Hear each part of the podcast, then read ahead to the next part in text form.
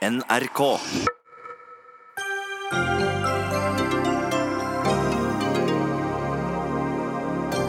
Torbjørn Jagland var unnfallende overfor aserbajdsjansk kaviardiplomati, hevder den norske Helsingforskomiteen.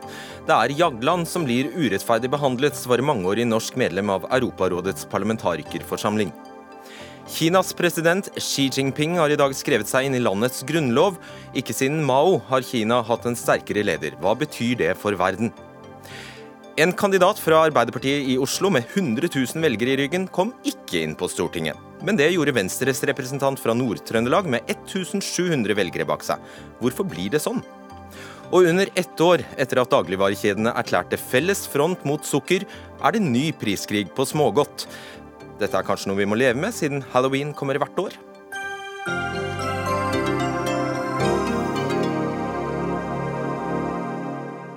En ny utgave av Dagsnytt 18 er i gang. Jeg heter Fredrik Solvang. I dag kommer den norske Helsingforskomiteen med sterk kritikk av Torbjørn Jagland, og mener han kort og godt burde ha vært på ballen mye før, og har gjort lite for å renske opp i det som er omtalt som kaviardiplomati mellom Aserbajdsjan og Europarådets parlamentarikerforsamling. Det kommer på toppen av at det mildt sagt har stormet rundt Europarådets generalsekretær de siste dagene, etter at Aftenposten i en bredt anlagt sak tok opp Jaglands rolle i den påståtte korrupsjonen. Og for ordens skyld eh, så har vi også forespurt Jagland selv via hans kommunikasjonssjef, men han kunne ikke delta her i dag. Lise Christoffersen, du er medlem av Europarådets parlamentarikerforsamling, stortingsrepresentant fra Arbeiderpartiet. Ble faktisk gjenvalgt i dag til parlamentarikerforsamlingen, hvis jeg har skjønt rett, for fire nye år. Gratulerer med det. Mm, takk for det. Eh, du mener Torbjørn Jagland er urettferdig behandlet. På hvilken måte? Fordi eh, korrupsjon i parlamentarikerforsamlingen er parlamentarikerforsamlingens ansvar, og ikke generalsekretæren. Det er litt sånn som i Norge. Hvis eh, statsministeren på en måte skulle bane seg vei inn i Stortinget og begynne å kritisere Stortinget for måten vi jobba på, så hadde det blitt ganske månelyst, og det hadde det også blitt i parlamentarikerforsamlingen hvis generalsekretæren hadde blanda seg inn i vårt. Så hans ansvarsfelt det er jo å holde orden i administrasjonen, og han har iverksatt ganske mange tiltak der for å sikre seg mot korrupsjon, og han har et forhold til ministerkomiteen. Og vi er adskilte instanser som har hver vår eh, suverenitet. Så da burde kanskje heller Helsingforskomiteen ha skutt på oss. Vi får høre med Helsingforskomiteen ved Bjørn Engesland, generalsekretær der. Dere har jobbet med denne saken i flere år. La oss, bare, kan, la oss begynne med starten. Hvordan har forholdet mellom Aserbajdsjan og deler da, av Europarådets parlamentarikerforsamling, som forkortes PACE, vært? Det har vært vanskelig lenge. Aserbajdsjan ble medlem i Europarådet tilbake i 2001. Den gang var det et autoritært undertrykkende regime som satt ved makten. Det regimet sitter fortsatt ved makten. Medlemskapet i Europarådet har ikke endret på noen vesentlige forhold i Aserbajdsjan. Det er fortsatt et sterkt undertrykkende, sterkt eh, menneskerettighetsbrytende regime. Medlemskapet i Europarådet har egentlig kun hatt én konsekvens. Og det er at en del av den korrupsjonskulturen som preger Aserbajdsjan, også i dag preger deler av Europarådet. Det er sterke anklager. Sier du, hva var det du sa nå, egentlig? At det vi sier, er at vi har sett en korrupsjonskultur spre seg inn i, Europa, i Europarådets parlamentarikerforsamling, hvor medlemmer av eh, parlamentarikerforsamlingen blir kjøpt for å kunne stemme i overensstemmelse med aserbajdsjanske interesser. Dette har blitt avdekket gjennom de siste årene. Vi har vært med å slå alarm rundt det. Mange andre med oss. Og så til anklagelsene mot Jagland, Torbjørn Jagland. Vi er selvfølgelig opptatt av å verne om Europarådet som den helt sentrale institusjonen i Europa for å ivareta hensynet til menneskerettighetene. For å bygge opp under menneskerettighetene i medlemslandene. For å ivareta demokratiet og bygging av demokratiet. Jagland sitter som leder for denne institusjonen. Vi er klar over rollefordelingen, men gitt den helt ekstraordinære utfordringen Europarådet står overfor, så mener vi det kaller på et initiativ fra Europarådets leder, og det burde vi sett for lengst. Det har han da tatt, sier Kristoffersen. Nå har han tatt det den siste tiden. Han har tatt initiativ i forhold til granskning. Han har tatt initiativ i forhold til å ettergå medlemskapsbetingelsene innenfor domstolen. Han burde gjort det før, og han burde gjort det med sterkere ord enn han har brukt. Og i antall år, hvor lenge har dette pågått? Og hvor lenge, ja. Det er vanskelig å si, men jeg tror nok at uh, det har vært en, en gryende erkjennelse av denne problematikken i nærmere ti år. Ja, for det er jo det, er jo det da, er vi eh, ca. ved sakens kjerne, Lise Christoffersen, at um, beskyldningene går på at Torbjørn Jagland har visst om dette i flere år. Og selv om han da har iverksatt tiltak nå, så det, kommer det altså altfor sent. Ja, Torbjørn Jagland har jo eh, innafor sitt eh, ansvarsområde eh, så har jo han bl.a. tatt opp manglende etterlevelse av dommer i Menneskerettighetsdomstolen. Og han har nå tatt initiativ til å utfordre Aserbajdsjan på om Aserbajdsjan egentlig hører hjemme i Europarådet eller ikke. Men det stemmer det som blir sagt, at det begynte med en sånn gryende erkjennelse for en del år tilbake. Og sjøl så støtter jeg på det her første gangen i 2009. Eh, for da skulle jeg velges til eh, rapportør på vegne av Europarådet. Så du bevitner det på en måte? Du bekrefter det? Ja, ja mm. for partigruppa mi. Og mm. den fordelinga av oppgaver den går etter avtale partiene mellom.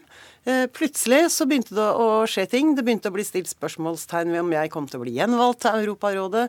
Eh, saken ble utsatt, det ble mobilisert til et seinere møte i, som foregikk i Paris. Og plutselig, som troll av eske, så dukka det opp en fra vår partigruppe som ingen hadde sett tidligere, som ingen hadde hørt om.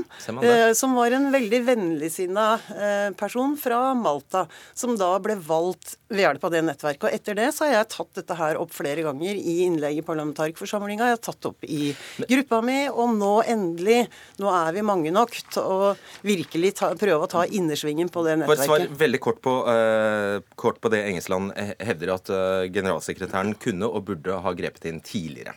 Jeg gjentar det som jeg sa i stad. Altså Hvis Torbjørn Jagland på et tidligere tidspunkt hadde gått inn og begynt å kritisere parlamentarikerforsamlingen, hvor alle disse folka satt som gruppeledere, de satt som rapportører, til og med i presidentstolen, da hadde vi ikke kommet noen vei. Da hadde det blitt satt mange år tilbake. Det hadde, for det hadde blitt månelys, som jeg sa, i parlamentarikerforsamlingen. For sånn er vi skrudd sammen, at vi skal ikke ha noen som blander seg inn i vårt område. Tilsvarende kort replikk fra deg på det. Eh, jeg har selv ved en rekke anledninger eh, oppfordret Jagland til å gjøre mer overfor situasjonen i Aserbajdsjan og overfor situasjonen innenfor parlamentarikerforsamlingen. Jeg forstår rollefordelingen, men, men, men, samtidig har dette vært så alvorlig og fremstår så alvorlig Men det blir jo bare en frase fra deg at du sier du forstår rollefordelingen hvis du ikke respekterer Jo, men jeg, på tross av den så måtte han ta et ansvar. Det er der vi har utfordret han. For dette var så alvorlig at han måtte gjøre noe tross den rollefordelingen som lå der. Denne saken, dette komplekset, er flerfasettert. Jeg For nye lyttere og seere så skal jeg nok en gang bare understreke at uh, Torbjørn Jagland er kontaktet, men han ønsket ikke å stille her. Tone Tveøy Strøm Gundersen, nyhetsredaktør i Aftenposten. Uh, dere har skrevet, som jeg sa, en lang artikkel der overskriften lød i årevis har Torbjørn Jagland varslet om korrupsjon uh, I årevis ble Torbjørn Jagland varslet om korrupsjon i Europarådet. Kritikerne mener han ikke gjorde noen ting. Jagland benekter jo det, at han i årevis har visst. Altså, den saken vår baserer seg jo på eh, et arbeid over flere måneder, eh, hvor journalisten vår har intervjuet mange kilder. Og det, de, det, Dette begynte jo som en sak om korrupsjonen, men i det arbeidet så kom det jo frem at det er mange kilder som mener at Torbjørn Jagland i større grad kunne brukt det handlingsrommet han har som generalsekretær, til å jobbe eh, i større grad, ta et ansvar mot korrupsjon. Eh, og så står det jo presisert tydelig i artikkelen at uh, den rollefordelingen forstår vi også, og forstår vår journalist og forstår kildene. Men det er jo som Helsingforskomiteen sier, at det, det artikkelen handler om, er jo de kildenes stemme, og gi stemme til de kildene som mener at han i større grad burde brukt handlingsrommet. Og så registrerer jeg at det er uenighet om det, men, men vi har jo da snakket med 50-60 kilder, vi bruker skriftlige kilder og muntlige kilder, som, eh, som sier det, og artikkelen drøfter spør da om han burde gjort mer tidligere enn det han har gjort som generalsekretær. Og Det er til dette du litt uærbødig uh, sier at skal, skal vi tro mer på en uh, ja, hva er det du sier, en hvilken som helst uh, avhopper enn Torbjørn Jøgland? Eh, når det gjelder spesielt eh, han eh, som du nevner, Arif Mamadov, så tror jeg nok også jeg ville blitt meget skeptisk hvis jeg hadde fått en underhåndskontakt fra en person som tidligere hadde fylt en sånn rolle. Jeg hadde i hvert fall undersøkt grundig først hva det gjaldt. Men det jeg reagerer litt på, det er når Strøm Gundersen sier at mange av de kildene sier at Jagland kunne reagert. Veldig mange av de kildene, i hvert fall de som er åpne og som er gjengitt, er jo kilder som meg, som sitter som medlem av parlamentarikerforsamlingen gangen, og kunne ha reagert tidligere sjøl. Første gangen jeg tok dette opp i et innlegg i parlamentarikerforsamlingen og sa at vi kan ikke finne oss i at noen tar med sine dirty triks ja, inn i vårt ja, arbeid. Du har også noe helt direkte å utsette på Aftenpostens sitater av, av deg. Altså fordi du sier du har, du har jo vært i kontakt med Aftenposten over et uh, halvt år, er det det? Ja, uh, og det skrev jeg etter den første artikkelen. Mm. Uh, for det eneste jeg var sitert på da, det var at jeg syntes at gruppelederen vår, Andreas Gross, var en kjekk kar. Og jeg hadde jo snakka med Aftenpostens journalist mange ganger. Jeg visste ikke da at det kom flere artikler, så jeg følte meg litt snurt og tenkte at var det alt som kom ut av det jeg hadde sagt? Men jeg har lyst til å understreke at de, mange av de kildene er personer som kunne reagert sjøl, som sitter i parlamentarikerforsamlingen. Så det spørs om ikke noen eh, er ute etter å blankpusse bildet av seg sjøl også. De kunne også ha gjort mer. Men en selektiv kildebruk?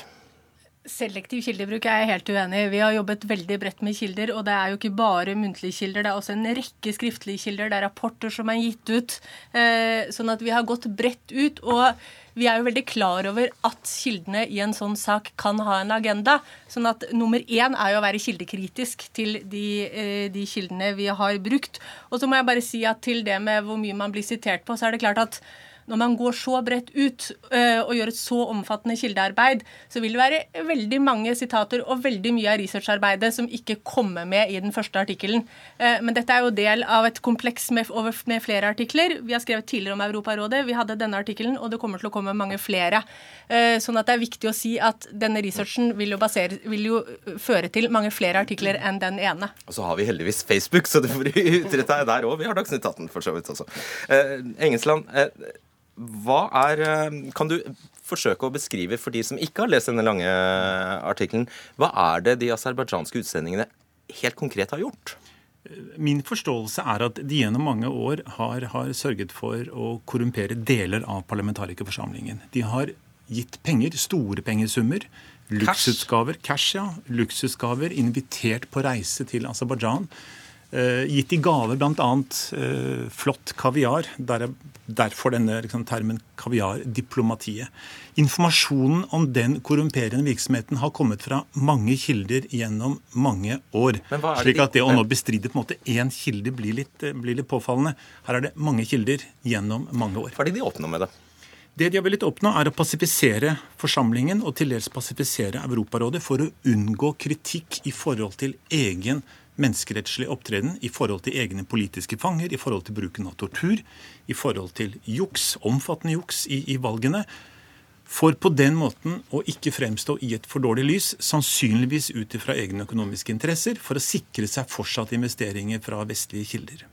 Eh, ja, Lise Kristoffersen, altså eh, hvis, Nå er det jo ikke helt overførbart til du sammenligner det med at eh, Erna Solberg skulle grepet inn overfor eh, Stortinget. Men hvis jeg har skjønt parlamentarikerforeningens, eh, parlamentarikerforsamlingens rolle, så er jo ikke Jagland utøvende myndighet overfor parlamentarikerforsamlingen, f.eks. Nei, altså Vi går veien om eh, ministerkomiteen, men både Jagland og ministerkomiteen hører med til det utøvende apparatet og det administrative apparatet. Og det administrative apparatet server også oss på samme måte som, som eh, regjeringen server Stortinget. Ja, Men dere gir ikke lover, det er på en måte poenget mitt. Nei, ikke lover, men vi har jo egne vedtekter. Og vi hadde en sak nå i oktober hvor eh, vi ønska at vi skulle samkjøre det regelverket litt bedre. For vi ser i dag at land som f.eks. Russland velger å stille opp i ministerkomiteen, men sabotere parlamentarikerforsamlingen. Vi ønska en tettere samkjøring mellom organene, og det var det veldig mange i parlamentarikerforsamlingen som reagerte på og sa øh, øh, vår integritet, og det er vi som styrer og råder i, i eget hus. Men jeg syns jo det er kjempeflott at Aftenposten skriver om det her. Og sjøl er jeg jo faktisk da en av de kildene, bl.a. en del av rapportene som er utarbeida om kaviardiplomatiet. Jeg har hatt tett samarbeid med Helsingforskomiteen i Europarådet, også snakka med russiske forskere. Nå må vi gi oss før dere blir for enige her i det. det merker jeg. Men, flott, ja, men uh, da blir fokus feil. Hvis vi skal sitte og diskutere hva Jagland skulle ha gjort eller ikke gjort, jeg syns vi heller skal diskutere hva vi parlamentarikere skulle ha gjort, og det vi nå endelig gjør. For nå har vi fått hull på bilen. Siste spørsmål til eh, deg, Tone Tve Strøm eh, Gundersen. Hele denne artikkelen oser av at dere av at dere nettopp mener Jagland burde og kunne ha gjort noe. Nøyaktig hva mener dere Nei, han burde? Det, det stemmer jo ikke. Det er ikke Aftenposten som mener at vi burde ha gjort noe annet. Vi, vi, eh, når vi driver journalistikk, så snakker vi jo med kilder, og vi, så gir vi stemme til de kildene som, og diskuterer det videre om han kunne gjort noe annet eller ikke. Så det er ikke Aftenposten som mener noe, men nyhetsjournalistikken handler jo om og snakke med kilder, få frem kilder, få frem ulike synspunkter, og så bringe artikkelen frem i håp om å skape et debatt, en større debatt om hva han eventuelt kunne ha gjort og ikke burde gjort. og det har vi jo lykkes med godt ja, dere har lykkes. Takk skal dere ha. Lise Christoffersen, Bjørn Engesland og Tone Tve Strøm Gundersen. Dagsnytt 18 alle hverdager klokka 18.00 på NRK P2 og NRK2.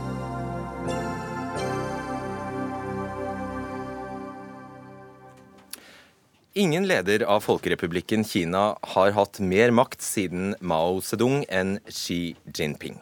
I dag har det, dag har det kinesiske kommunistpartiets kongress vedtatt å skrive president Xi inn i landets grunnlov med setningen Xi Jinpings tanker om sosialisme med kinesiske kjennetegn for en ny æra. Og med andre ord, ingen i Kina har da egentlig mer ideologisk autoritet enn Xi Jinping. Hedda Flatøy, du er stipendiat ved Universitetet i Oslo og holder på med doktorgrad eh, om holdninger som har med miljø å gjøre i eh, Kina. Hva er det aller viktigste signalet fra partikongressen? Ja, det er eh, Du kan si at det er litt sånn tredelt. Det er gjort veldig tydelig at Xi Jinping er dominerende i partiet, og at hans ideologi er nå partiets ideologi. Så at han skal ha en veldig sterk stilling. Eh, i partiet. Så er det også gjort tydelig at partiet skal ha en eh, dominerende posisjon eh, på alle felter av kinesisk samfunnsliv. Og både når det gjelder sånn rent sånn styringspraktisk sett, og også når det gjelder ideologi. Mm. Og i tillegg så er det blitt gjort tydelig at Kina skal ta en, en sterk rolle på den internasjonale scenen. Ja, For Xi snakker altså om den kinesiske drømmen han, eh, og gjenfødelsen av den kinesiske nasjon. Eh, hvis det er mulig hvordan vil, å beskrive det i noen korte setninger, hvordan vil det påvirke oss andre? Det er, altså, det er litt sånn eh, Det er et interessant paradoks, da, kan du si. Fordi han De gjør det veldig tydelig at Kina skal bli mer aktiv internasjonalt. Det betyr jo Altså, vi har jo vært vant til å tenke at det er eh, liberale, demokratiske stater som, eh, som, er de dominerende i den internasjonale orden. Det ser det ut til å bli en slutt på nå.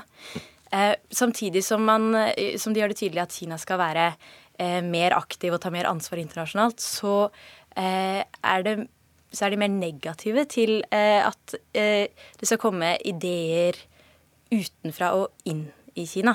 Eh, så at man skal ha på en måte en mer sånn ideologisk ensretting innad, mindre interesse for å lære av andre land og for å, for å utveksle ideer eh, utover. Mm. Eh, men samtidig så, skal, så Kina ha blitt veldig mye mer sånn selvhevdende internasjonalt. Da. Interessant.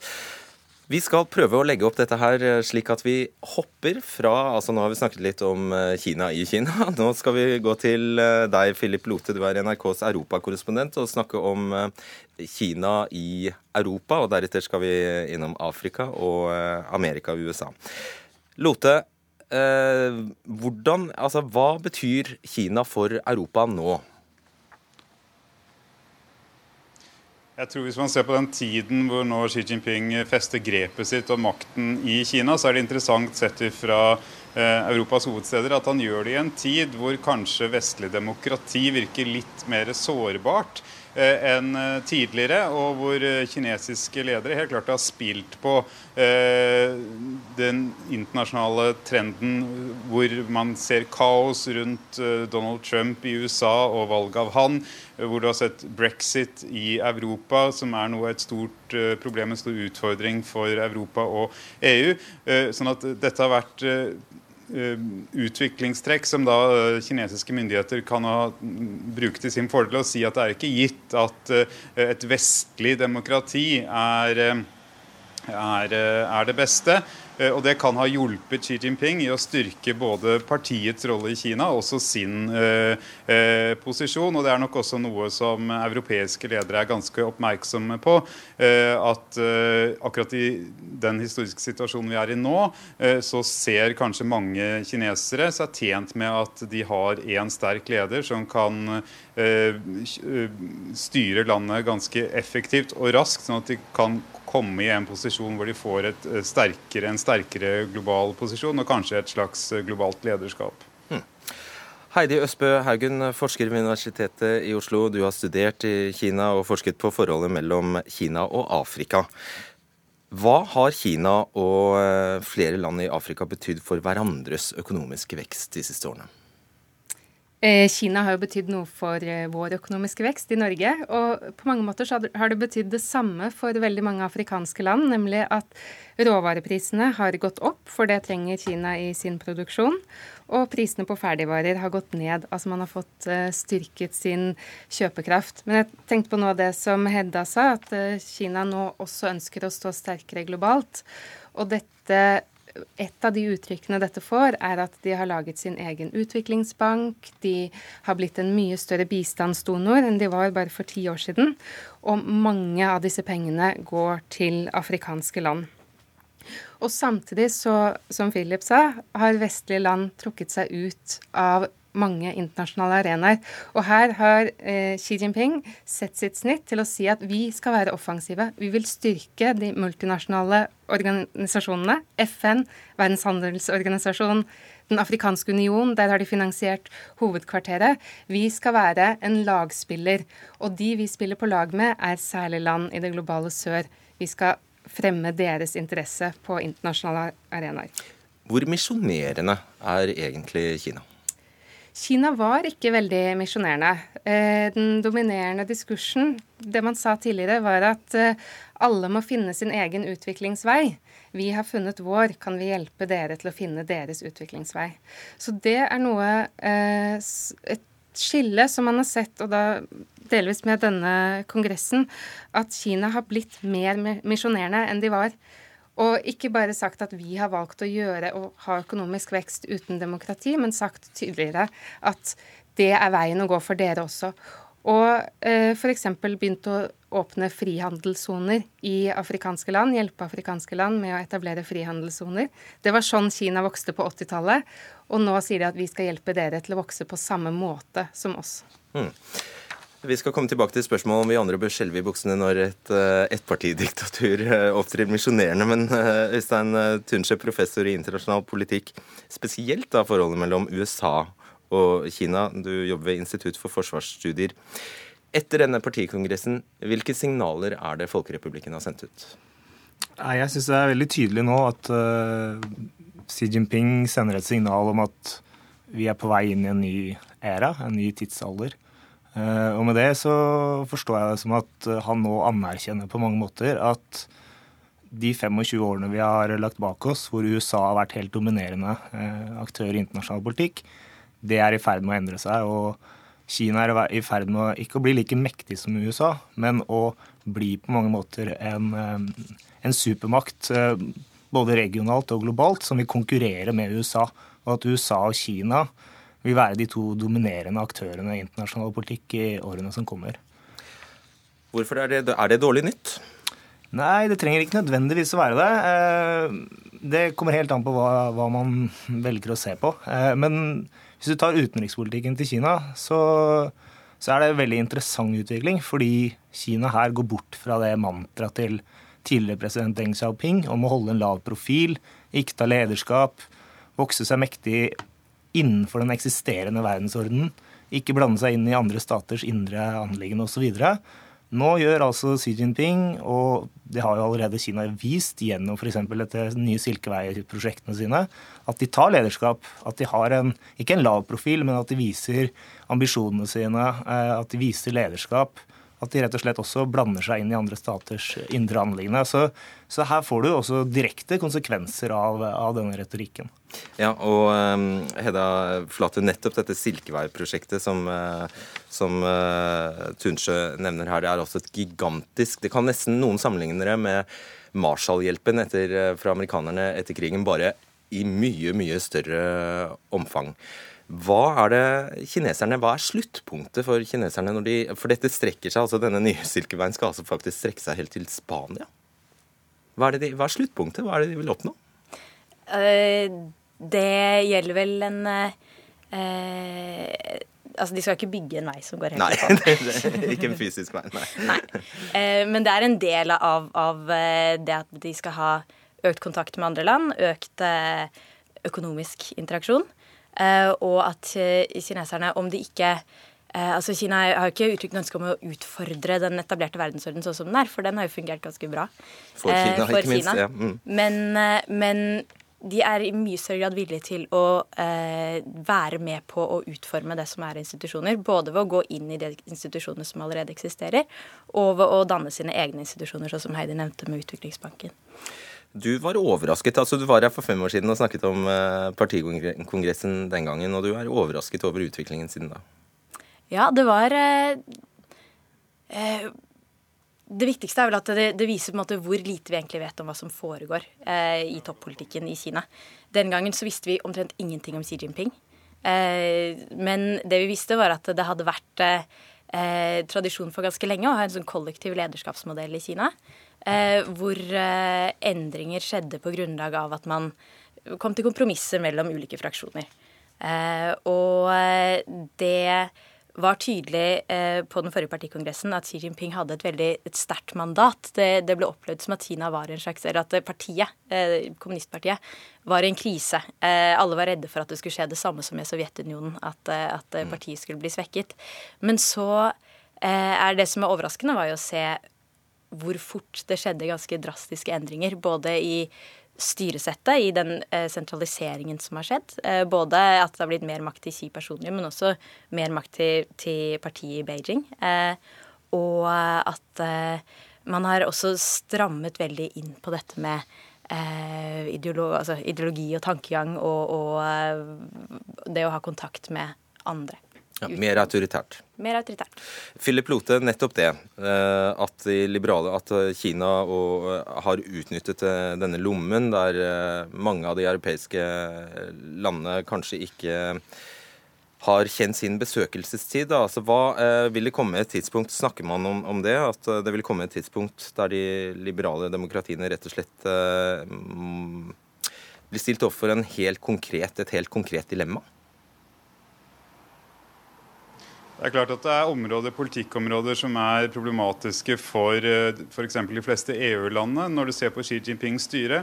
Eh, det var større, en bredere samfunnsdebatt i Kina under Hu Jintao, altså hans forgjenger. Da var de sosiale mediene, mikroblogging, ytringer eh, mye mer levende enn det de er nå.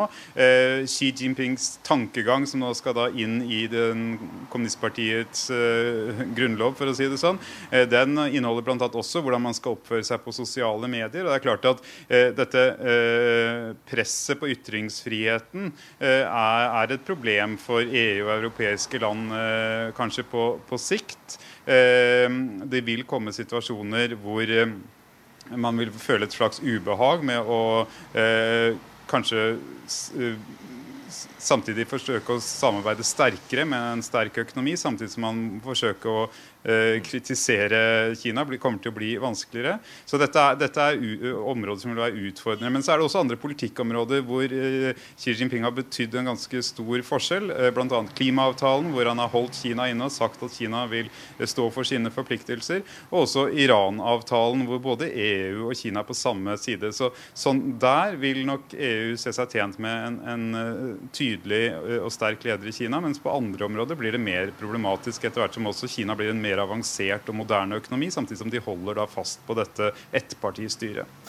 Heidi Østby Haugen, du nevnte at uh, Kina ganske tydelig solidariserer seg med land i sør, uh, og at dette, dette, gir seg klare, helt konkrete uttrykk. Hvilke, hvilke da? De bygger broer, og de lager, legger, legger togskinner og ja, hva, Hvordan vises det helt praktisk?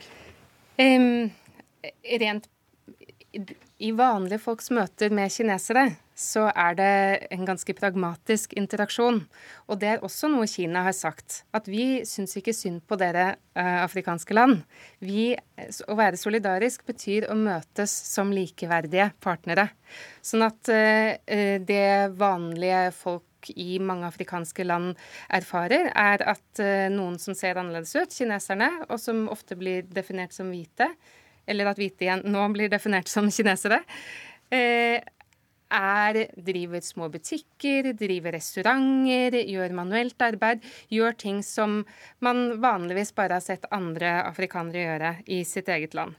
Så eh, de har sagt ja, solidaritet. Vi skal gjøre om de multinasjonale organisasjonene sånn at de blir mer vennlige mot land i sør. Men samtidig så har vi en pragmatisk innstilling til interaksjonen med afrikanske land. Det skal være vinn-vinn, som de sier. Så de ses ikke på som kolonisatorer, eller kolonister, da, altså? Ja, kanskje for stort spørsmål, siden vi har dårlig tid. vi tar den diskusjonen ja, en annen gang. Den annen gang. Jeg angrer meg. Du, helt, helt, på tampen Tunche, jeg innså at det var for stort spørsmål. Tunche, um, dette med valuta og Kina og USA, altså, og pengereservene, altså det at eh, Kina har uh, siden 2008 egentlig eid USA. Eh, hvilken, hvor stor rolle spiller det nå?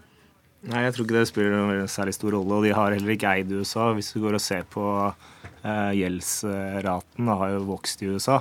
Det er ikke Kina som er på en måte den store eieren av den gjelden, det er amerikanske husholdninger. Eh, og Kinas andel av den er omtrent like stor som Japans. Eh, jeg tror ikke Kina kommer noen vei med, med det økonomiske taket på USA.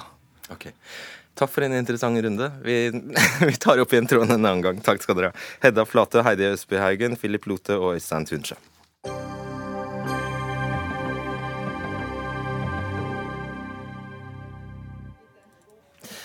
For andre valget på rad fikk de rød-grønne flere stemmer enn de borgerlige, men tapte likevel valget. Og det kan skje fordi i Norge teller ikke hver stemme like mye.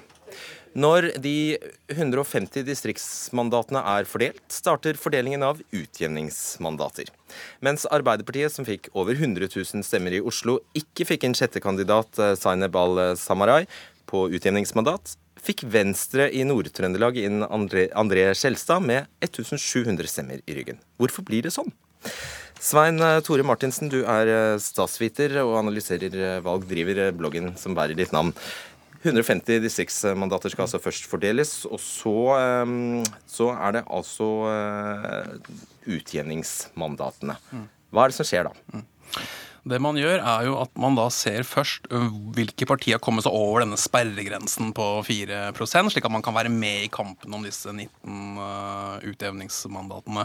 Og Så tenker man seg da at hele Norge var én valgkrets, og vi hadde 169 mandater til fordeling. Og Så ser man da hva, hva, hvordan har fordelingen vært hvis det var slik, og så sammenligner man med den faktiske fordelingen, disse 150 uh, distriktsmandatene. Da finner man ut hvor mange utjevningsmandater utjevningsmandater hvert enkelt parti skal uh, ha. Og Så er det da om å gjøre å se hvem, hvilke kandidater har hatt de såkalte ubrukte stemmer, altså stemmer som ikke ga mandater i den første fordelingen. og Da regner man jo en såkalte restkvotienter for å finne uh, fordelingen. Hvor, hvorfor har vi utjevningsmandater? Det, jo, det, ligger jo litt i ordet. da, Man skal jevne ut noe. fordi at det er en skjevhet som ligger innbakt i systemet, som gjør at spesielt store partier favoriseres. De får noen flere mandater enn det de egentlig skulle ha hatt. Uh, og Da jevner man ut. Disse brukes 19 mandatene på å jevne ut dette, slik at småpartiene da, som akkurat bikker sperregrensen, får en del utjevningsmandater, slik at totalt sett blir noenlunde jevnt. Okay. Det som er litt morsomt, er at du da har eh, gått gjennom hvordan eh, det gikk i hver tvekamp her mellom eh, utjevningsmandatene. Det er derfor det er det som er dagens anledning. Øverst på den lista over de ubrukte stemmene så tronet da Frank Bakke-Jensen, nyutnevnt forsvarsminister fra Finnmark. Han fikk 5600 stemmer. Men det holdt altså ikke til et direktemandat, så han fikk det første utjevningsmandatet. Hva skjedde på plassene etter Bakke-Jensen? Da ser man hvem er det som da har de nest høyeste S-koeffisienten, tredje høyeste osv. Her var det jo da tre representanter fra SV, henholdsvis eh, Mona Fagerås i Nordland, Solfrid Lerbekk i Rogaland og Torgeir Knag Fylkesnes eh, i Troms. De hadde restkontingent nummer to, tre og fire, og fikk utjevningsmandat nummer to, tre og fire. Så, så, så, langt så er det jo egentlig veldig enkelt. Ikke sant? Sånn, og helt tilfeldig selvfølgelig at alle tre eh, fulgte, altså at de var fra SV tre ja, ganger på jo. Ja. Så eh, førte dette her da til at Venstre, Iselin Nybø fra Rogaland, eh, som plukket eh, det første utjevningsmandatet ved forrige valg, ble blokkert. Hva skjedde der? Ja, Hun hadde høyeste restkoordinaten forrige gang, i 2013. Men denne gangen så ble hun nå slått av SVs representant i Rogaland, som da hadde en høyere kvotient enn det Nybø hadde. og Dermed så var utjevningsmandatet i Rogaland brukt opp. Så da var ikke flere mandater til fordeling i Rogaland. og Dermed så ble da Iselin Nybø blokkert, og hun måtte takke farvel til eh, Stortinget. Og da hopper man til et nytt fylke? Ja, da, da, går man eh, videre. ikke sant? Mm. Så da, Sånn fortsetter man helt til sånn man har fordelt disse 19 mandatene. Så har vi denne, dette eksempelet jeg nevnte aller først her. altså eh, Oslo Arbeiderpartis sjette kandidat, Zaineb al-Samarai som altså kunne kommet inn på utjevningsmandat, men så skjedde det ulykksalig for henne at Arbeiderpartiet fikk direktemandat i Rogaland. Det var jo fintelling. Veldig små marginer ute og går i, i Rogaland. Eh, hvor da til slutt Arbeiderpartiets representant der bikka ut eh, Høyres representant. Det var bra for hun i Rogaland, men det var ikke så bra for representanten i Oslo. Eh, fordi at det ga ikke Arbeiderpartiet noen utjevningsmandater, selv om hun hadde den høyeste restkvotienten i Oslo. Derimot åpna det en mulighet for Høyres Stefan Heggelund. Sikkert kose seg med, med det. Det gjorde han nok. SVs Freddy André Øvstegard han har rukket å være gjest her i Dagsnytt 18 to ganger allerede. Eh, han kom inn på Stortinget på utgivning med 7000 eh, stemmer, og slo dermed KrFs Line Henriette Holten Hjemdal med 226 eh, stemmer. Likevel, det er jo langt opp da til Sylvi Listhaugs rådgiver Espen Teigen, som fikk 2000 flere stemmer enn Øvstegard går, og ikke kom inn. Hvorfor skjer sånt? Det skjer jo fordi at Fremskrittspartiet ikke ble tildelt utjevningsmandater. Derfor så hjalp det ikke at eh, Teigen fikk mange stemmer, 9000 stemmer. Eh, Frp skulle ikke ha utjevningsmandater, og dermed så hadde ikke han muligheten til å være med i kampen om disse utjevningsmandatene. Hm. De tre helt nederst på lista, de tre representantene med færrest velgere i ryggen, er da Venstres Kjetil Kjenseth fra Oppland. Eh, men han var ikke den venstrekandidaten med, med høyest kvotient, faktisk. Det var altså mange foran han mange i, i køen der. Mm. Ja. Eh, Rogaland, Akershus, Oslo, Nordland, Østfold og uh, Finnmark. Og dette er igjen utslag av det er utslag av at dette her var da mandat utjevningsmandat nummer 17, og da var det bare Venstre og KrF som hadde utjevningsmandater til fordeling. Og selv om det da var andre kandidater som hadde høyere kvotienter i Oppland, eh, så var det Kjenseth som stakk av med utjevningsmandatet. Og etter den samme logikken er det da eh, André Skjelstad fra Nord-Trøndelag som har færrest eh, velgere i ryggen. 1758 velgere. Mm. Da er det ganske stort sprik altså mellom de 100 000 som uh, Al-Samarai hadde i ryggen, og hans 1700. Du mener det er et problem? 10 000 var det på, cirka på uh, Samarai. Um, det kan være det. Kan man vite det? Hvor nøyaktig Er det mulig å beregne det? Ja, det er cirka snakk om 10 000 stemmer som da var reststemmer. Oh, ja, sånn, ja, sånn. Mm. Okay. Det kan være et problem, fordi det kan være vanskelig å forstå for den jevne velger, og til og med også en god del andre også, hvordan dette her egentlig eh, fordeles. Det er greit når du deler ut de første utleggingsmåtene, det er forståelig, men jo lenger ut du kommer, eh, jo mer tilfeldig kan det virke, selv om det jo er en logikk her. Det er en matematisk eh, logikk, men den må du leite ganske langt etter for å finne ut av. og Det kan være uheldig, fordi at det kan være vanskelig å skjønne hvordan i verden kunne Skjelstad komme inn på 1758 stemmer mens Teigen fikk 9000 stemmer. Han kom ikke inn i det samme fylket, f.eks. Da er vi over i neste bolk. Du mener du har et forslag til løsning? Jeg har et forslag til, eh, til løsning. Eh, grunnen til at man har utjevningsmandater, er jo at man eh, for det første deler ut disse 150 distriktsmandatene litt skjevt. Uh, og Da får man et problem. Da ønsker man å jevne ut dette. Hadde man isteden forsøkt å dele ut dette her mer i samsvar med velgernes stemmegivning med en gang, mm. så hadde behovet for utjevningsmandater vært eh, mindre. Men da må man gjøre ting med valgsystemet. Da må man vurdere slå sammen uh, valgkretser. Da må man vurdere å fjerne denne såkalte sperredivisoren i den første fordelingen. Og kanskje også vurdere litt på denne arealfaktoren som gir utkantfylker overrepresentasjon. Jeg vil ha et system som skaper bedre samsvar mellom velgernes stemmegivning og mandatfordelingen på Stortinget. Ja, Martin Kolberg, stortingsrepresentant fra Arbeiderpartiet. Men er du enig i at dette er urimelige utslag? Nei, ikke nødvendigvis.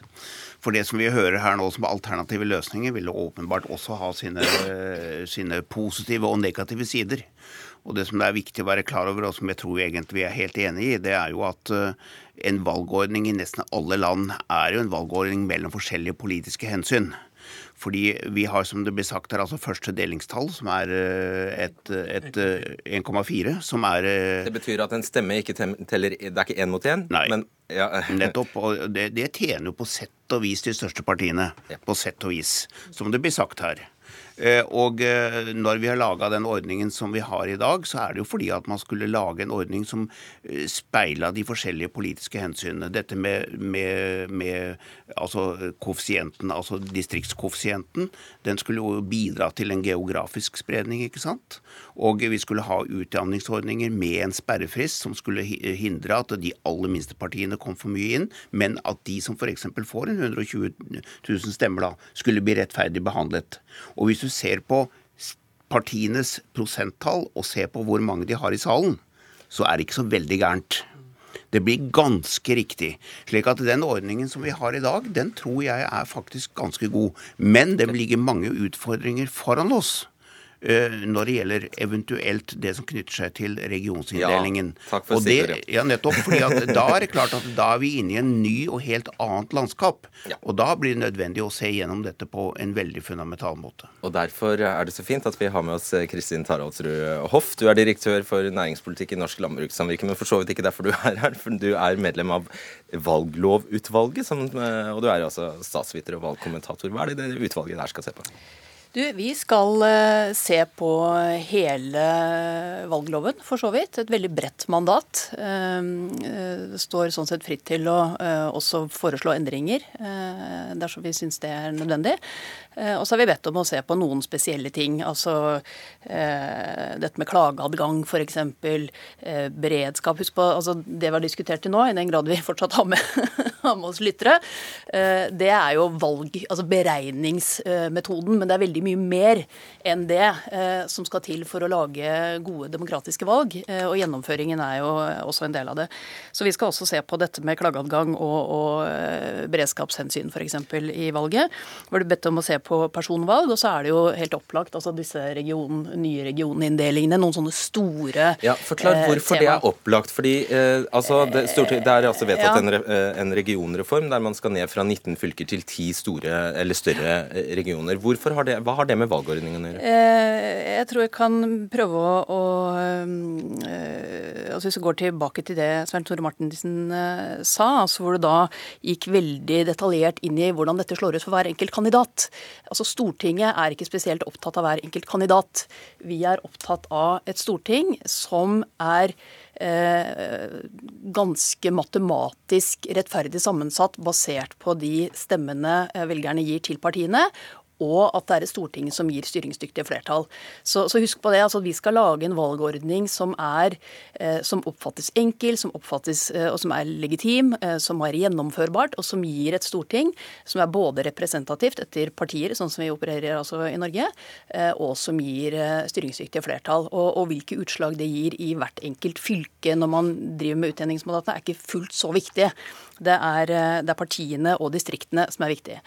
Eh, men fordi vi har 19 eh, valgdistrikter eh, Det står i Grunnloven at vi skal ha 19 valgdistrikter. Vi har også 19 fylker. Det står ikke i Grunnloven at det skal være de 19 fylkene, men sånn er det i dag. Så sier man at du har så mange representanter fra det fylket, du har så mange representanter fra det fylket. Og det er Antallet mandater er sammensatt av hvor mange som bor der, og den såkalte arealkoeffisienten. Eh, altså at Hvis du har et veldig stort fylke med relativt få, så kan du da få relativt flere. ikke sant? Det er det vi ser et uh, utslaget her. Og Det henger jo også sammen med det liksom særegne ved Norge. Uh, det er et stort land, det er langt i Oslo, vi har sentrum-periferi, disse, valg, disse, disse skillelinjene, som til dels også da tas opp i, i valgordningen som vi har i dag. Og det vil jo garantert bli både protester og andre utslag, som Kolberg sier, dersom man endrer dette. Det, det, tror jeg vi kan, det tror jeg nesten vi kan garantere. Martinsen, kan, eh, altså, kan, det, kan, kan, man ikke se for seg, hvis man slår sammen veldig her, eh, at det rett og slett ikke kommer inn representanter fra hele fylker? da? Eh, hvis man slår sammen eh, fylker, så er det mest sannsynlig at det vil være litt lettere for mindre partier å komme seg inn på eh, Stortinget. Både Kolberg og Hoff har vært inne på her at det handler om matematisk rettferdighet når det gjelder Stortinget. Men vi har jo eksempler fra årets valg hvor Miljøpartiet De Grønne fikk nærmere 100 000 stemmer, men blir stående igjen med én stortingsrepresentant. Mens Kristelig Folkeparti fikk 120 000, også bare noen flere stemmer, og får da åtte representanter representanter. Det er vel mange som vil hevde det, at dette her er ikke matematisk uh, rettferdig. Og Da er én vei å gå, kan være å slå sammen uh, valgkretser. Uh, men man må også se litt på proporsjonaliteten i systemet, og ikke ivareta for mange hensyn på en gang. Altså Både skal da utkantstrøkene til godestes, og så er det dette her med styringsdyktighet, som selvfølgelig er et viktig argument. Men kanskje må man prioritere og tenke hva er det viktigste, istedenfor å forsøke å balansere altfor mange hensyn på en gang. fordi det er mot motstridende uh, hensyn som ligger uh, innbakt der. Hva er det aller viktigste, Kolberg? Det aller viktigste er at uh, valgresultatet gjenspeiles på en god måte i salen, vil jeg understreke. Og det aller viktigste er også at vi får en god representasjon fra hele landet. Det er en stor politisk verdi som den nye kommisjonen også må ta hensyn til. Eh, fordi Det er derfor denne arealkoeffisienten jo kommer inn. Veldig tungt. Riktignok justeres den nå hvert annet valg, og den svekkes jo hvert annet valg i dagens ordning. Eh, hvert annet valg hvert åttende år, så svekkes den jo. Og hvis vi ikke hadde hatt dette, så hadde jo det som det kalles for det sentrale Norge dominert Stortinget fullstendig. Og da hadde ikke landet stats, legitimiteten i statsstyringen vært den samme. Og det er også et veldig viktig politisk hensyn, som blir ivaretatt langt på vei i dagens ordning, slik som den er. Så greier det å være litt kort. Hoff, har dere noen tidsfrist? Eller? Ja, vi har eh, relativt god tid vi skal levere i løpet av 2019.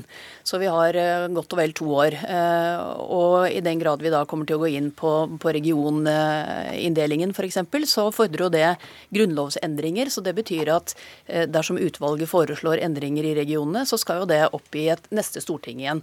Så dette, dette skal vi leve med i ganske mange år framover og få god anledning til å sette oss inn i detaljen i. Jeg beklager, det var det vi rakk, fordi nå skal jeg prøve å gjøre opp for at dette kanskje ble litt veldig avansert. Nå skal vi snakke om smågodt. Takk skal dere ha.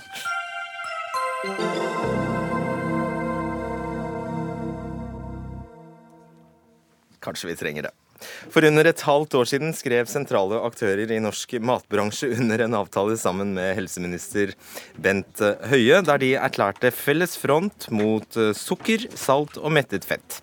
Men i forkant av halloween ser vi igjen en priskrig på smågodt i norske butikkhyller. Dagligvarekjeden Coop og flere andre kjeder har nemlig halvert prisen på smågodt. Og dette mener flere passer dårlig med den nevnte avtalen. Blant dem Gøran eh, eh, Hjelmeset, du er leder for Senter for sykelig overvekt på sykehuset i eh, Vestfold og professor på Universitetet i Oslo.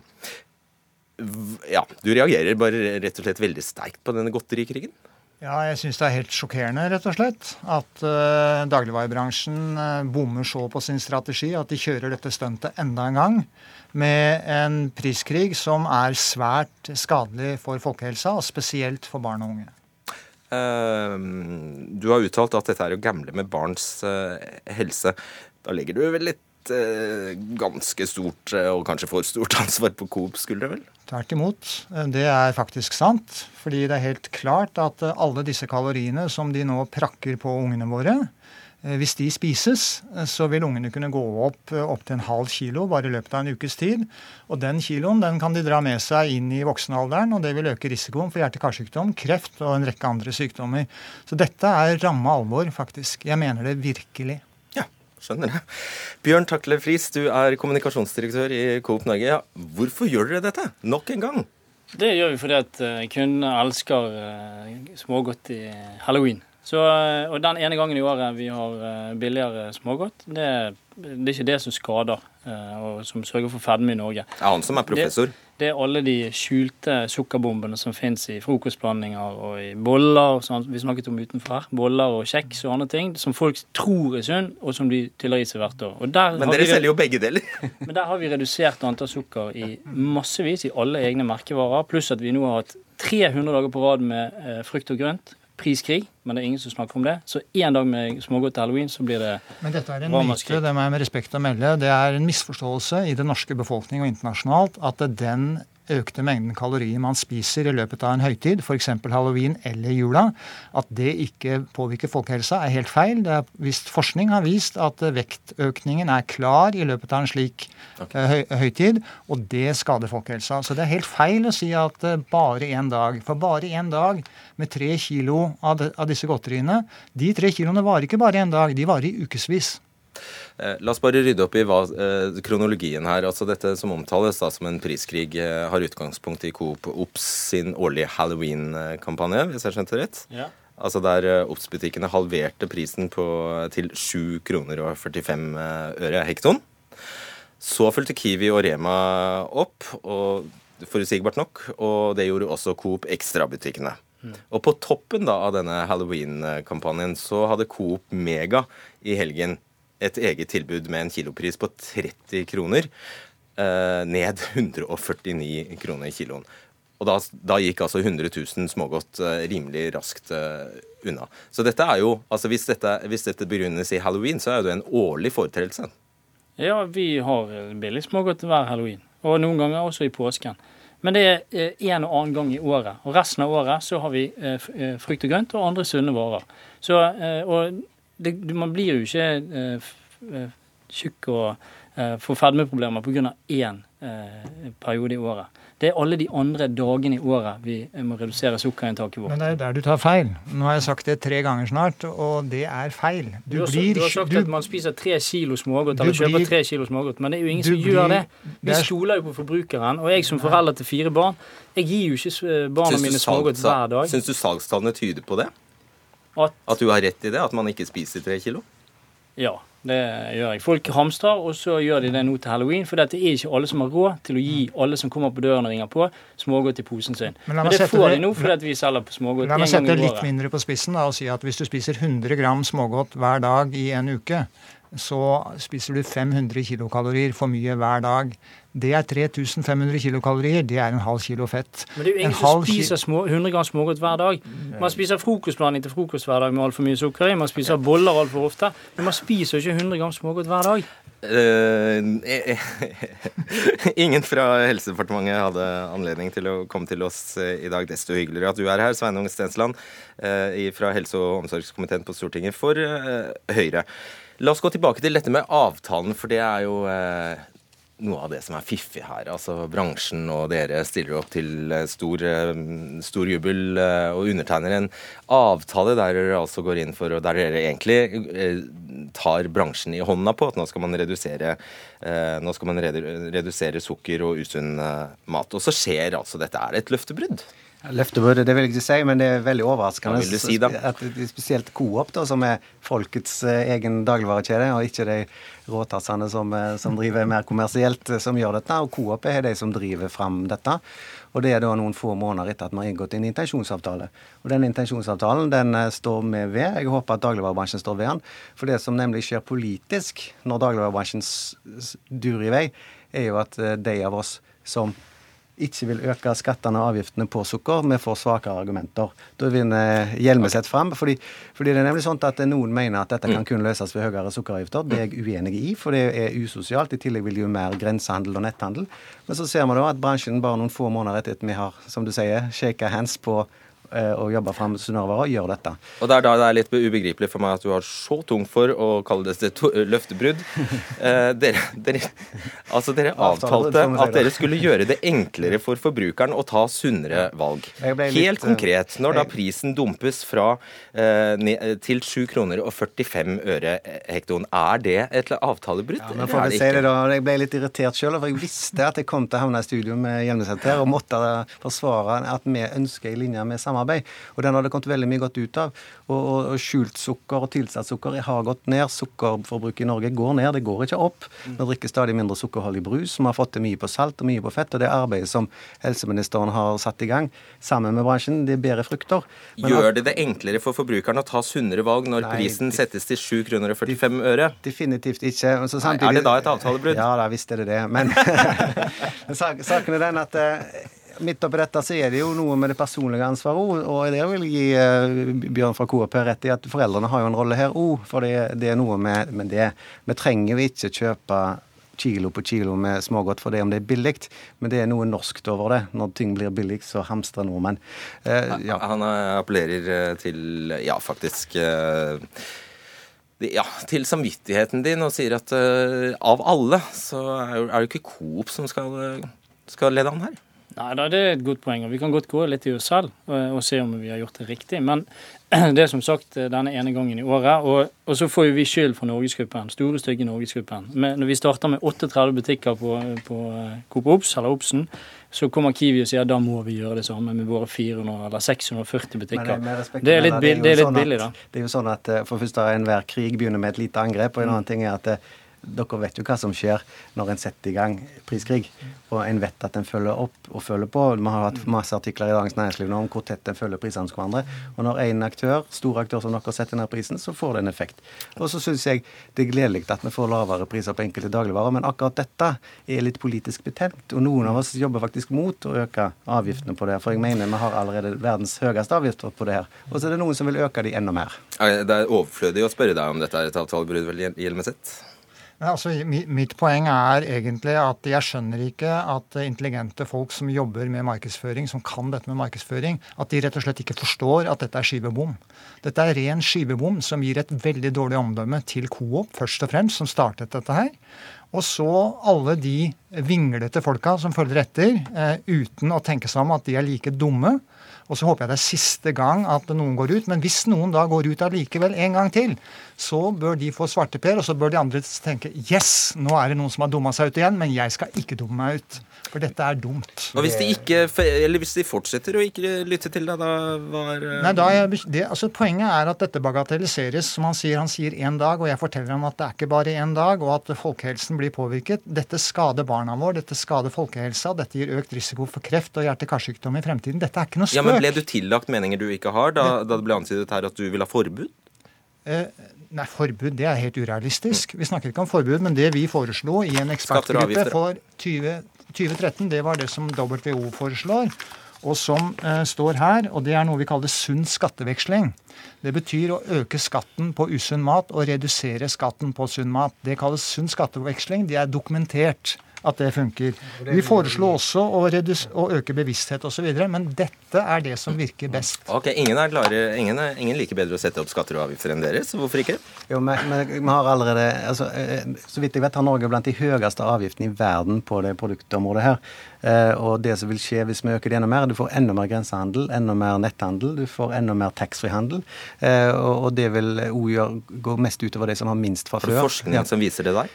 Ja, men det er jo helt logisk. Nei, Har du forskning som viser Nei, men Nei. folk reiser jo til Sverige for å kjøpe billig godteri. Det vet vi jo. Og hvis du øker avgiften enda mer, så øker du det insentivet. Og når vi allerede ligger så høyt, så tror jeg ikke at vi skal gjøre det. Jeg har mye mer tro på den avtalen som vi har inngått med dagligvarebransjen. Og så gjør alle feil iblant, og så kanskje en lærer litt av denne runden her òg. Og så syns jeg samtidig det er gledelig jeg, at eh, folk av og til får litt billigere varer, men akkurat eh, det veldige presset på smågodt det er litt Det er ikke et veldig bra det er én dag. Jo, men det, det, periode, det, det, gjør det, gjør det, ikke enklere for oss. Hva skjer ved jul, da? Da er det fokus på noe annet. Da er det ribbe og andre ting. Vi får sikkert kjeft for det også, men kunne sette pris på det. Påske, da? Vi, vi kan iallfall ikke ha Påsken, det får vi se. Nå er det ett og et halvt år siden sist. da. Neste halloween, da? Ja, da blir det nok sikkert billig smågodt igjen. ja, der har du det. Da er jo ikke denne avtalen verdt noe. Avtalen er verdt veldig mye. Vi jobber med det hele året. Og industrien eller bransjen de forstår ikke at de skader folkehelsen. De tar det ikke på alvor. De burde, de, burde, de burde skamme seg, gå i seg selv og tenke dette er alvor, dette er ingen spøk. Finn andre måter å konkurrere på. Men jeg vil bare si avtalen virker. Vi ser jo at det er et mye større um, eksponering av frukt i butikkene, og det er mye mer tilgang på salater og dette ting. også, Og salg, og øker. Og jeg har ikke lyst til å komme der at vi må gjøre dette fordi at det blir flertall for det på Stortinget, men det er farlig nær å bli et flertall på Stortinget for å øke disse avgiftene og skattene, og det tror ikke jeg er noe god politikk. Nå skal jeg si ha det. Ha det bra. skal jeg si. Tusen takk skal dere ha. Arnhild Myklebust, Eli Kirkebø og Fredrik Solvang takker for følget.